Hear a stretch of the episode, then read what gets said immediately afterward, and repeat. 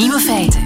Dag, dit is de podcast van Nieuwe Feiten van dinsdag 8 mei. In het nieuws vandaag de Britse auteur Ian McEwan, die bijna gebuist is voor een boekbespreking over zijn eigen roman. McEwan, bekend van onder meer On Chesil Beach, zijn zoon moest van de leraar Engels een bespreking maken, toevallig van een van zijn boeken. En uiteraard heeft papi flink geholpen bij die taak, maar de leraar was kennelijk niet onder de indruk van de interpretatie van Ian McEwan over zijn eigen boek.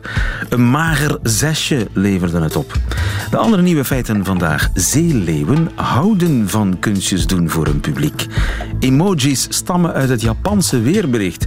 Toerisme is twee keer zo vervuilend als gedacht. En waarom Trump de Iran-deal wil opblazen. Veel plezier. Lieven van den Houten. Radio 1. De nucleaire deal met Iran, wordt die opgeblazen of niet? Doet hij het of doet hij het niet? Vanavond klokslag 8 uur weten we dat. Donald Trump gaat dan bekendmaken wat er moet gebeuren met de Iran-deal. Jens Fransen, goedemiddag. Goedemiddag. Ja, die nucleaire deal, 2015 is die gesloten. Tussen Iran, Europa, Rusland, de States, zeg maar. En als ik mij goed herinner, hield die in. Wij versoepelen onze economische sancties tegen Iran. En in ruil daarvoor stopt Iran met het uh, maken van een bom. Een nucleaire bom. Dat was toch ongeveer de deal ja, in grote lijnen. Klopt, klopt. Nu, heeft, Ira heeft Iran zich niet aan de afspraken gehouden dan? Iran houdt zich aan de afspraken. En voor alle duidelijkheid, ik zeg dat niet. Maar het zijn de wapeninspecteurs van het Internationaal Atoomagentschap in Wenen die heel strenge, nauwgezette controles uitvoeren sinds het afsluiten van die Iran-deal. Die ook camera's hebben hangen in heel wat van die uh, nucleaire uh, faciliteiten in Iran. Want er zijn er nogal wat. En die zeggen, kijk, wat we hebben afgesproken met de internationale gemeenschap, onder meer met Amerika, daar houdt Iran zich volledig aan. Dus Iran houdt zich keurig aan de deal en toch wil Amerika de deal opblazen. Hoe kan dat? Het heeft natuurlijk te maken met vertrouwen. En nu moet je weten, voor een kernwapen heb je eigenlijk twee dingen nodig. Je hebt een atoombom nodig, maar aan de andere kant heb je natuurlijk ook een, ja, een raket nodig om dat kernwapen te gaan inzetten. Iran heeft afgesproken, heeft altijd gezegd, wij willen geen atoomwapen ontwikkelen je kan daar wel twijfels bij zetten, want we weten dat er voor 2003 wel degelijk een militair programma was dat in de richting ging van een atoombom. Dat is nadien nog een klein beetje voortgezet, zelfs tussen 2003 en 2015. Maar bon, vanaf 2015 was er duidelijk, we gaan niet langer verder ontwikkelen aan die atoombom. Dat ene deel ligt stil. Maar het andere deel, de ontwikkeling van raketten, ballistische raketten, daar doet Iran rustig aan verder. Mag Iran ook rustig aan verder doen? Hè? Er staat niks over uh, in de deal. Ja. Raketten mag. Raketten mag. En nu zie je dat een buurland, een, een land in de regio zoals Israël, maar ook Amerika, een beetje bang zijn. Kijk, stel dat het ene deel volledig op punt staat, die raketten, en dat Iran op een bepaald moment toch openlijk of in het geheim zou gaan beslissen van kijk, nu gaan we toch een, een atoomwapen maken, want het heeft die wetenschappers, het heeft de grondstof, het heeft de installaties. Ze zijn bang dat Iran plots de stekker er zelf zou gaan uittrekken en binnen de 12 maanden of binnen de 24 maanden plots een werkend inzetbaar atoomwapen zou hebben. En, en dus dat, dat vertrouwt Amerika uh, niet. Amerika vertrouwt niet, Israël vertrouwt het niet, Europa vertrouwt het wel? Europa vertrouwt het wel, omdat Europa zegt, kijk, die economische sancties, dat hebben we geprobeerd. Tuurlijk, in de periode voor 2015 hebben we hebben toen gemerkt dat werkt niet. Want in die periode van de opbouwende, steeds strenger wordende economische sancties is Iran erin geslaagd om uranium te gaan verrijken. Om in een zwaarwaterreactor uh, uh, zwaar water te produceren, plutonium te produceren. Intussen tijd nog steeds zijn rakettenprogramma te bouwen. Iran heeft in die periode van de economische sancties ook diepe ondergrondse bunkers gebouwd waarin de installaties zaten. Toen hebben we geleerd, kijk, dat werkt niet. Economische sancties alleen. Laten we het over een andere boeg gooien. Laten we Iran geloven als het zegt dat het toch geen atoombom zou willen bouwen. Oké, we gaan dat controleren. Iran moet een aantal programma's afbouwen, moet controles toelaten, inspecteurs onaangekondigd, camera's die worden opgehangen. En in de plaats van te dreigen met de stok, gaan we wortel voorhouden. Ja, een wortel, waar we heeft tot zelf natuurlijk, beter gewerkt. Ja, en waar we zelf natuurlijk ook een centje aan verdienen aan die wortel. Ja, natuurlijk, want Iran is geen onbelangrijk land. Hè. Het is de 48ste belangrijkste economie wereldwijd. En Europa voert er grosso modo toch ja, voor 20 miljard handel mee. Hè. Dus ja, dat is niet niks. En als de deal wordt opgeblazen, ja, dan zal dat worteltje ook krimpen. Nu, stel Trump zegt die deal vanavond op. Hoe groot is dan de kans dat ze in Teheran in sneltreinvaart aan een atoombom beginnen te werken? Ik denk niet dat Trump de deal zomaar gaat opzeggen. Ehm, we hebben al eerder gezien dat Trump heel, heel veel eh, retoriek, heel veel woorden, en dan blaast hij iets op. En wat hij onmiddellijk doet, is dan nadien de pauzeknop induwen. We hebben dat gezien bijvoorbeeld wanneer het ging uh, ten opzichte van Korea. Iedereen dacht de oorlog is dichterbij. Kijk, toch wordt die pauzeknop ingeduwd. We hebben dat ook gezien met de, de invoerheffingen op staal en aluminium. Hè. Ook daar werd gedreigd en dan uiteindelijk wordt de soep niet zo heet gegeten. Je moet weten, er wordt een periode van uh, een maand voorzien uh, voor arbitrage in het akkoord. Bovendien, mocht Trump vanavond al nieuwe sancties volledig full-blown, zoals voor 2015 gaan invoeren, dan nog zegt de Amerikaanse wetgeving dat hij 180 dagen moet wachten vooraleer die effectief kunnen ingaan. Dus dan nog heb je een periode van 180 dagen om te gaan negociëren. Maar uit lekken uh, horen we nu dat hij de deal een deel zou opblazen, maar toch niet alle sancties opnieuw zou invoeren. Een aantal sancties opnieuw zou invoeren, maar niet helemaal. En daarmee zou dreigen om andere sancties dan toch binnen een maand of binnen twee maanden in te voeren. Kortom, ja, er zal een stekker worden uitgetrokken, maar er blijft nog echt marge om te onderhandelen. Want dat is natuurlijk waar Trump op, op uit is. Hè. Hij wil geen oorlog met Iran, allicht, want dat is een onmogelijk militair avontuur. Maar wat hij wel wil, is een betere deal, in zijn ogen, een betere deal met Iran. En hij doet het op zijn manier, de diplomatie. Voilà.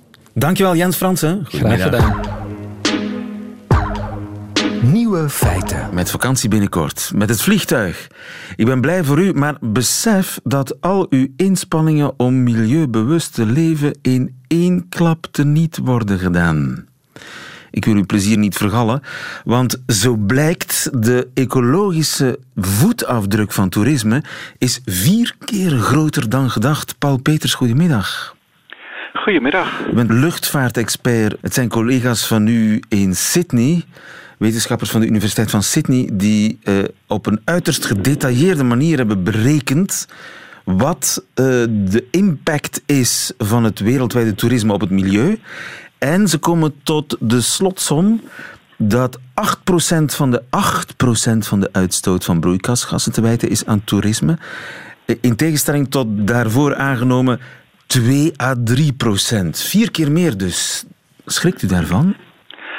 Uh, nee, daar, uh, daar schrik ik niet van. Uh, het is overigens wel zo dat, uh, dat die cijfers die hier circuleren een beetje verwarrend zijn, omdat die steeds over verschillende dingen gaan. Dat heb je met cijfers. Ja, dat is altijd het lastige. die 8% die ze uitrekenen, dat, zijn, dat is CO2 plus alle andere broeikasgassen. En uh, die 2% die zij uh, noemen, uh, dat zou zijn als je alleen CO2 neemt, maar dan toch deelt door alle broeikasgassen in de wereld. En dat is natuurlijk niet helemaal een eerlijke vergelijking. En als je dat alleen op CO2 zou doen, dan kom je uit op ongeveer 5%. Dus we ja. wisten al dat het 5% was. Maar wat is nu de, de meest ja, serieuze berekening? Puur wetenschappelijk, is die 8% het, het nieuwe cijfer? Ja, ik denk dat je dat wel, uh, wel kunt zeggen, omdat zij uh, zeg maar een aantal uh, onderdelen die wij eerder niet hadden meegerekend, die zijn ze gaan meerekenen en doorrekenen. En vooral ook de effecten van zeg maar de aanlever, de supply chain, zoals ze dat zo mooi noemen. Ja, want het dus, gaat niet alleen maar... om de verplaatsing, het gaat ook om, ja, er moet ook voedsel naar die toeristencentra Precies. gebracht worden, daar moeten gebouwen. Ja ja, komen. Dus dat, dat... Ja, dat soort dingen. En uh, mensen gaan uh, shoppen. maar goed, je hebt dan ook gelijk wel weer een discussie over de, de grenzen van het toeristisch systeem. Want als je thuis bent, ga je natuurlijk ook shoppen. En als je thuis bent, eet je ook. Dus ja. dat, is, dat is een beetje, ja... Maar los van de discussie over cijfers, het is meer dan gedacht. Is er, is er ook meer toerisme de laatste vijf à tien jaar? Oh ja, zeker. Het wereldwijde toerisme groeit met zo'n 5% per jaar. En dat betekent dus dat je elke 15 jaar bijna een verdubbeling krijgt. Dus dat is uh, echt veel. En hoe komt dat eigenlijk? Nou, het heeft allereerst te maken met uh, de uh, groei van de inkomens wereldwijd. En met name grote landen als uh, China, die, waar de inkomens behoorlijk omhoog gegaan zijn door een, een, groeiende middenklasse. En die zijn gaan reizen. Het, het is in het algemeen zo dat mensen met een laag inkomen gewoon minder vaak reizen dan mensen met een hoog inkomen. Ja. En dat verschil is echt heel groot. Dus als gauw mensen door een inkomensgrensje heen gaan, dan beginnen ze gelijk te reizen. En echt duur is het niet, hè? Een vliegreis boeken?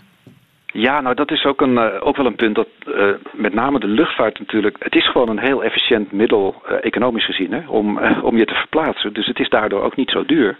Per personenkilometer betaal je maar een cent of drie. Terwijl als je de tram neemt, dan, dan zijn de kosten eerder 60 cent of zo per personenkilometer. Dus dat is al een verschil.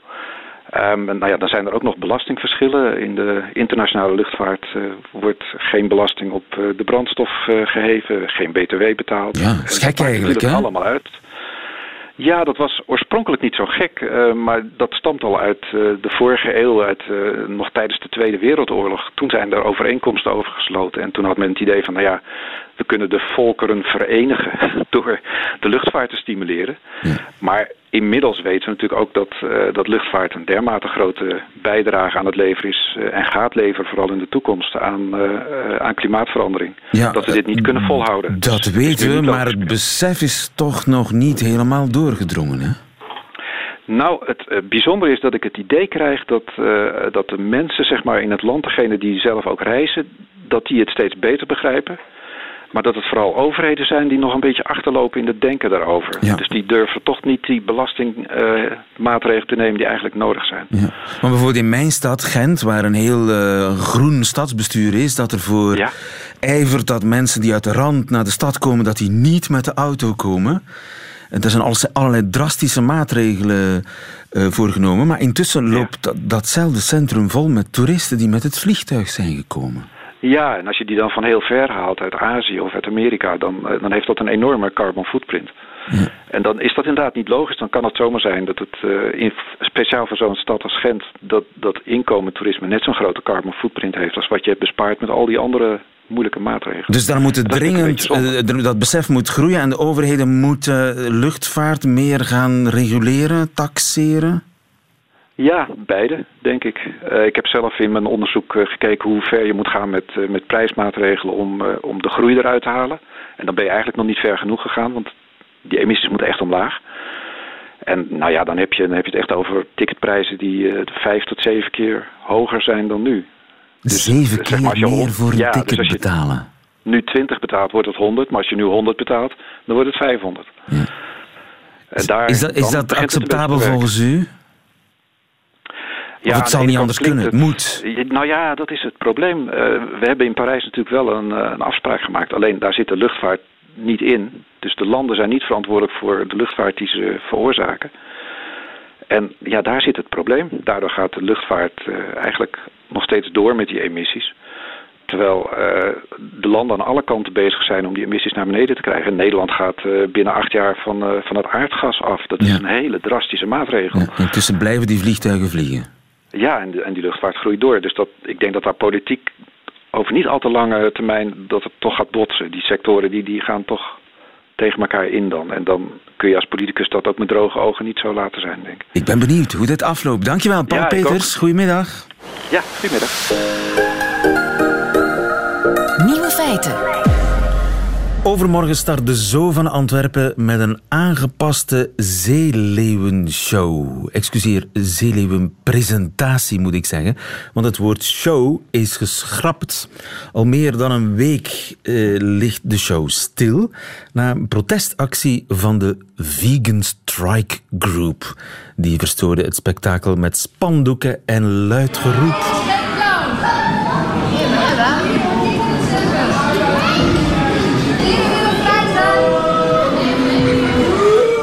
Dieren willen vrij zijn. En ook de nieuwe presentatie, niet show maar presentatie, met minder toeters en bellen en meer educatie, vindt geen genade bij de actiegroep. Als er 11.000 man binnenkomt, a 26,50 euro, dan verdienen ze daar gewoon grof geld aan. Aan het opsluiten, maar ook aan het uitbuiten van deze mooie dieren. Wij, zien die hele educatie niet, uh, dat is het ook niet. Want als jij echt de, uh, de mensen wil informeren, dan kan je dat op heel veel verschillende manieren doen, maar niet met een bal op een neus laten draaien.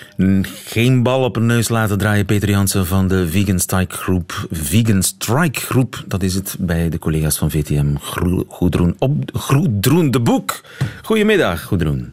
Goedemiddag. Goedroen, ja, ik ben helemaal uh, opgewonden door die, dat gedoe met, dat, uh, met die uh, zeeleeuwenshow.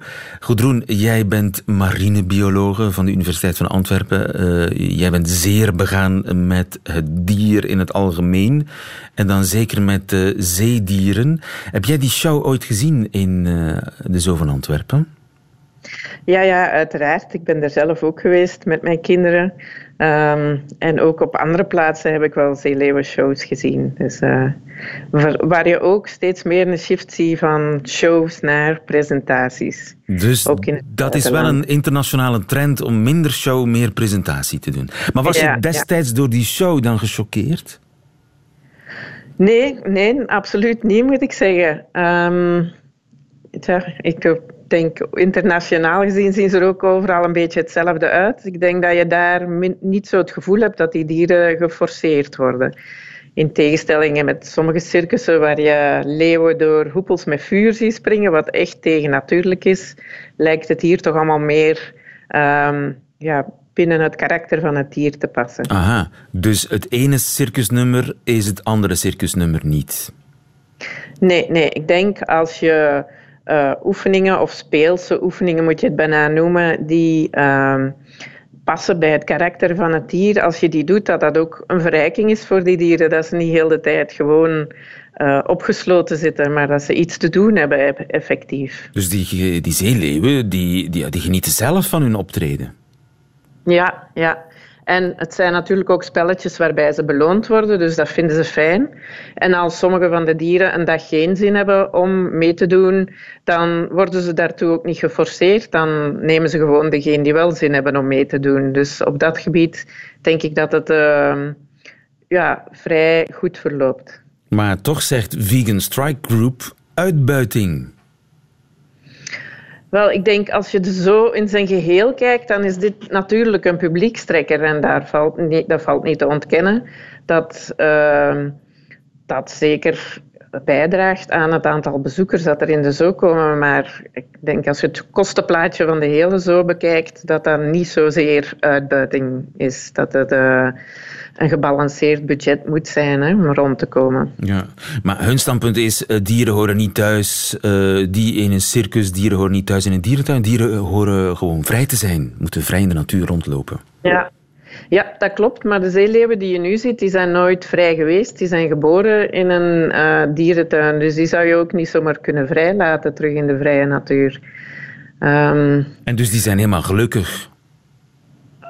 Die zijn denk ik vrij gelukkig. Ik kan het u natuurlijk niet vragen.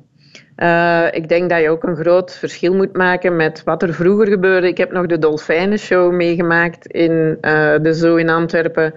Ja, ik denk dat het duidelijk is dat voor uh, die dolfijnen en zoals je in Sea Life in de Verenigde Staten de orka's en zo had, dat dat ehm, te kleine ruimtes zijn. Hè. Deze dieren die zwemmen vrij rond, leggen grote afstanden af, werken ook met sonar. Uh, maar een zeeleeuw die ligt voor een groot deel van zijn tijd op de rotsen of met zijn vinnen omhoog in het water te rusten. Het is een heel ander soort van dieren. Dus uh, shows met dolfijnen en orka's, die kunnen niet? Nee, zeker niet in zo'n kleinere uh, ruimte. Ik denk dat het daar inderdaad aangenamer is als je ergens een boot opstapt en ze in de vrije natuur gaat zien springen en doen, want daar spelen ze eigenlijk ook spontaan. Maar dus uh, zeeleeuwen die spelen graag, die hoeven geen lange afstanden af te leggen. Dus ja, die actievoerders die hebben de verkeerde strijd gekozen. Ja, ik denk dat zij algemeen willen dat er geen enkel dier niet meer in gevangenschap is. En dan gaat het niet alleen over die zeeleeuwen, maar ook over huisdieren thuis en over ehm, ja, de koeien en de kalveren die gehouden worden. Dus ik denk dat hun strijd meer algemeen is en niet specifiek op deze, op deze zeeleeuwen gericht. Helemaal helder. Ik eh, ben benieuwd naar de nieuwe presentatie van de zeeleeuwen. Uh, overmorgen start die in de Zoo. Dankjewel. Goedroen. Goedemiddag. Oké, graag gedaan. Dag. Nieuwe feiten. De smiley. Wist u dat die in Japan ooit is uitgevonden? Lilian Stolk, goedemiddag. Hallo. Lilian... Ja, uh, niet, niet, de emoji, niet de smiley is in Japan uitgevonden, maar de emoji. De emoji. En wat is het verschil tussen een smiley en een emoji? Ja, het, de smiley is het gele gezichtje. Die bestaat al sinds uh, de jaren 60. En een emoji is echt dat, dat toetsenbord op ons telefoon met al die gezichtjes, maar ook met eten en weersomstandigheden, en dat soort dingen. De, de verderzetting van de smiley. Ja, zeker. Ja. ja. Nu, smiley uh, is eigenlijk de opa van de emoji. Uh, Oké, okay. de smiley is de opa van de emoji. Nu, de baas van de taalunie Hans Bennis die vindt dat een smiley in de krant moet kunnen. Ja. De, de knipoog, ja. hè, desnoods met een, een punt, komma, een, een, koppelteken en een haakje, de driedubbele uitroeptekens, andere mm -hmm. populaire nieuwigheden op de sociale media, die kunnen ook in uh, krantentaal, vindt de Taalunie. Verkleutering roepen veel uh, taalliefhebbers. Uh, ja. De discussie woedt dus volop, maar jij hebt intussen een zonder woordenboek uitgebracht. Hoeveel uh, emojis staan daarin? ik heb ze niet geteld. Ik denk een stuk of honderd. Ja. Honderd? Ja, ja. En uh, zo'n woordenboek is... is... wel nodig, want ik weet niet of ik er honderd begrijp spontaan. Nee, nee in, in, het boek beschrijf ik eigenlijk dat emoji een, een bredere, past bij een bredere ontwikkeling, dat we steeds meer met beeld communiceren. En dat het alfabet ook maar een manier is en niet de manier. En ja, dat, dat beschrijf ik in het zonder woordenboek. En ondanks dat de titel zou vermoeden, staan daar toch best ook nog veel woorden in. Maar ook staan tussen de letters soms emoji, omdat het soms veel logischer is, zoals uh, Hans Bennis ook zegt, om iets te laten zien in plaats van te beschrijven. Het is gewoon uh, efficiënt taalgebruik. Ja, zeker. Ja. Want uiteindelijk, ja, een, een Chinees teken is, is misschien ook een, een soort van emoji. Ja, ja en uh, dat, dat zegt uh, Hans Bennis uh, ook. Het is ook bijvoorbeeld heel moeilijk om met taal ironie aan te geven. En als je kijkt naar de meest populaire emoji, dat is de Tears of Joy emoji. En ja, ik denk wel dat die zo populair is omdat we hem juist gebruiken om te zeggen dat we iets heel anders bedoelen dan dat we dat zeggen. Ja, maar ja, schrijvers ja. zeggen natuurlijk dat is een makkelijkheidsoplossing, dat is uh, verkleutering. Ja, ja nou, normaal gesproken heb je inderdaad, emoji past natuurlijk echt bij die snelle apptaal. Uh, en daarin nemen we niet zoveel ruimte doorgaans om, om uit te leggen dat het een grapje is. En daardoor is dat met emoji zo effectief. Ja, ja, maar het is een ja. Japanse uitvinding, de emoji. Wie heeft dat dan wanneer en waar uitgevonden? Ja, klopt. Uh, Shigetake Kurita uh, heet hij. Dat is de bedenker van emoji. Ik heb hem ook opgezocht voor mijn boek. En um, dat is al twintig jaar geleden geweest bijna. En echt toen, toen telefoons nog hele kleine schermpjes hadden... Hij werkte aan uh, het eerste internet op een mobiele telefoon. En je kunt je voorstellen, uh, op zo'n klein schermpje is dat best wel uh, een uitdaging om e-mail te checken of weer om voorspellingen te kijken. En, en Shigetake dacht, ja, daar, daar moet gewoon beeld bij. Als je het weer kijkt, dan wil je een zonnetje zien en niet het woord zonnig. Dus dat is eigenlijk echt de oorsprong van emoji. Het Japanse weerbericht. Ja, precies. Is de oorsprong van de emoji. Het zonnetje... Ja is daar ontstaan. Inderdaad. Oké. Okay. En is Japan nog steeds het land van de emojis? Praat iedereen daar in emoji-taal? Nee, eigenlijk uh, is het daar inmiddels een soort uh, folklore geworden. Uh, sinds zij uh, smartphones hebben gekregen en met veel grotere schermen, dachten zij, die plaatjes kunnen ook wel wat groter. Dus zij uh, versturen nu volop stickers. Die, uh, dat zijn wat grotere plaatjes die ook kunnen bewegen, waar tekst bij zit. Dus het is eigenlijk veel uitgebreider geworden. Oh, en dat is de toekomst van de emoji. De bewegende ja, emoji, grote tekeningetjes waar ook tekstjes, eigenlijk gewoon tekenfilmpjes bijna. Ja, ja die mensen ook zelf uh, kunnen ontwerpen daar. Dus ja. Dus eigenlijk is een emoji verschrikkelijk oldschool. Eigenlijk wel. Als je het aan je Japanners vraagt, wel. Maar je merkt ook dat wij er nog wel. Uh, het is voor ons natuurlijk heel nieuw om met beeld te communiceren. En, en bij Japan zit het al in het schrift. Dus uh, ja. En uh, heb je zelf een emoji ontdekt waarvan je dacht: dit had ik nooit kunnen bevroeden dat het zou bestaan? Ehm, nou, ik heb wel, ben wel verbaasd over sommige dubbele betekenissen van sommige symbolen. Uh, Oei, daar gaat de duidelijkheid van de emoji. Ja, ja nou, dat is wel ook het leuke uh, van emoji, vind ik. Dat het de taal speelser maakt. Dus het wordt uh, een, normaal dat een teken meerdere dingen kunnen betekenen. Bijvoorbeeld de geit, die wordt ook wel eens gebruikt voor de afkorting GOAT, een Engelse afkorting. Dat staat voor Greatest of All Time. Um, ah, dus een geit maar, betekent Greatest of All Time?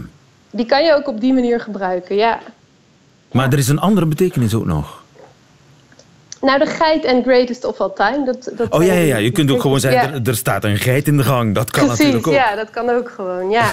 En meest, daarom is het ook wel belangrijk om er ook nog wel het alfabet bij te gebruiken. Want dat maakt dan wel vaak duidelijk welke betekenis uh, je bedoelt. Oké, maar jij bent er helemaal voor, voor e emojis in kranten, tijdschriften? Ja. Moet kunnen. Ik uh, moet kunnen, dacht ik. Ja. De discussie is geopend. Dankjewel Lilian uh, Stolk, auteur van het Zonder Woordenboek, een emoji-woordenboek. Goedemiddag. Je suis une autruche folle de jazz et de scat. Je chante en faisant des clics et des claques, des piques et des blocs, des tics et des tocs. Mais je laisse aux horloges le soin de faire tic-tac, tic-tac. Avec mes grandes pattes, je fais toutes les danses. Boogie, Charleston, Java et Scordance. La valse à et la mazurka. Mais je laisse au moineau le soin de faire disco, disco. Gisteravond levenloos aangetroffen in haar huis hier in uh, Schaarbeek. De ster in Frankrijk en in uh, Franstalig België. Maar bij ons ook zeker niet onbekend. Onze eresaluut aan Moran, 57 is ze geworden, veel te jong. Chanson, chanson de l'autruche. Kankeronderzoeker Hetty Helsmoortel, haar middagjournaal. Nieuwe feiten. Middagjournaal. Ik geef het toe, bij de voorbereiding van zo'n middagjournaal durf ik al eens te surfen naar de Wikipedia-pagina van de dag in kwestie. Vandaag dus 8 mei. Om vaagweg wat inspiratie op te doen uit geschiedkundige gebeurtenissen, maar meestal om gewoon links te laten liggen. En altijd weer valt het me op dat er veel gebeurd kan zijn. Duitsland capituleert in 45. David Attenborough wordt geboren in 26. Twee pausen overlijden, één in 535 en één in 685 blijkbaar. De eerste Coca-Cola wordt verkocht. Frankrijk verslaat Engeland onder leiding van Jeanne d'Arc, noem maar op. Belangrijker vind ik echter de gebeurtenissen die niet online terug te vinden zijn. 8 mei is namelijk ook de dag dat hij zijn diagnose kreeg.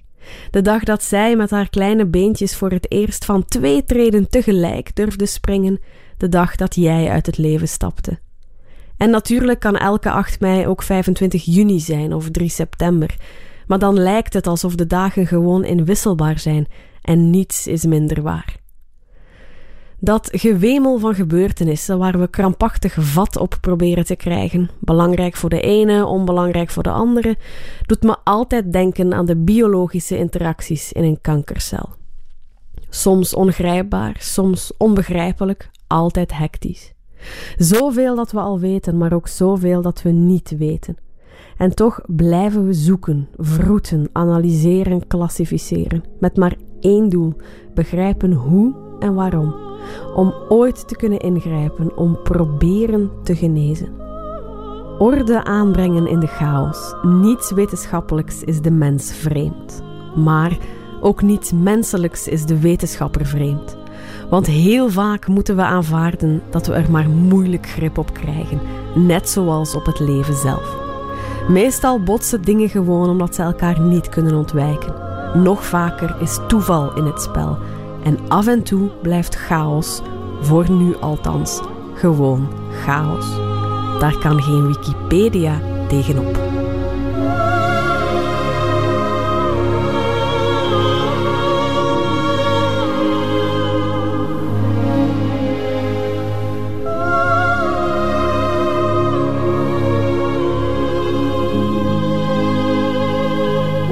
Middagjournaal van Hetty Helsmoortel, de kankeronderzoeker. Meteen het einde van deze podcast. Maar u vindt er nog veel meer op radio1.be en op de gebruikelijke podcastkanalen. Tot een volgende keer.